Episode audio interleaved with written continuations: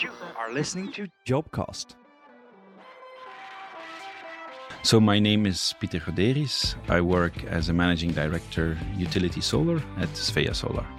Well, first and foremost, I'm a family man. I have uh, three kids, aged 13, 12, and 9. So most of my time outside of work is spent with them. And like outside of, of that, I try to go running once in a while.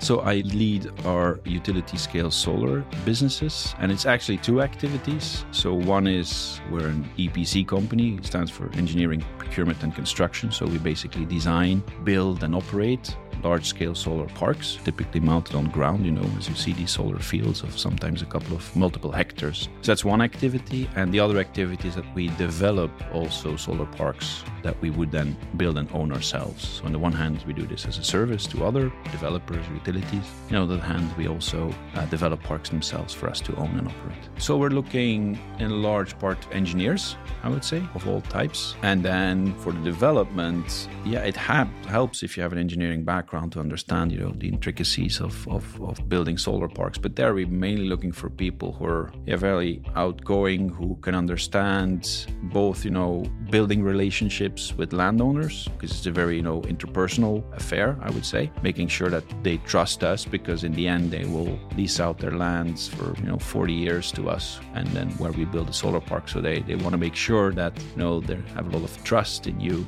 that you won't mess up their land, so to speak. So that aspect is very important but as well as the whole both the technical process of you know dialogue with the grid companies as well as the administrative process when it comes to the dialogues with the county boards and with the Länsstyrelsen to get the environmental permitting going etc there's this image I have in my mind. It's from a pamphlet from more than 100 years ago. It's called Bring the Message to Garcia. It's a story that was told 100 years ago about, you know, some exploration that was ongoing in, in South America, you know, hundreds of years ago, where there was a, a general, General Garcia, and the king of Spain or Portugal, what have you, wanted to bring a message to him but nobody knew where he was. So they found a, messenger person who would have to deliver the message. And the only instruction he got was, yeah, you have to bring this message to Garcia.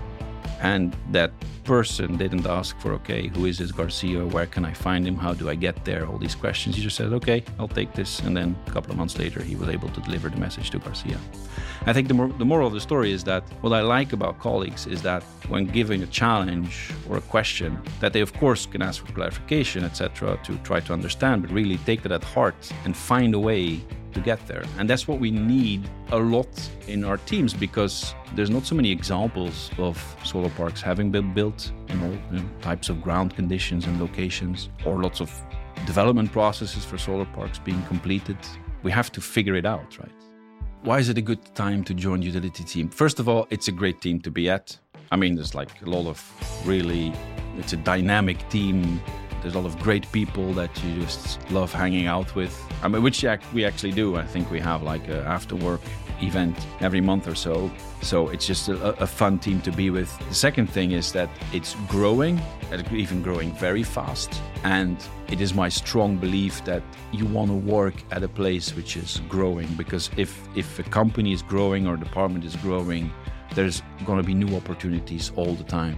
I've worked at many companies and with even more companies as a consultant. I mean, I can compare at least 30 companies that I worked with intensely, either for or with. This is the best out of the 30. I mean, and I've seen companies in every part of the world and every type of business. But this combination of, you know, the mission of Svea Solar and the team and the growth journey yeah, it's fantastic to be here. You should really think about applying to Svea Solar and our utility team. It's it's going to be a fantastic journey, I guarantee.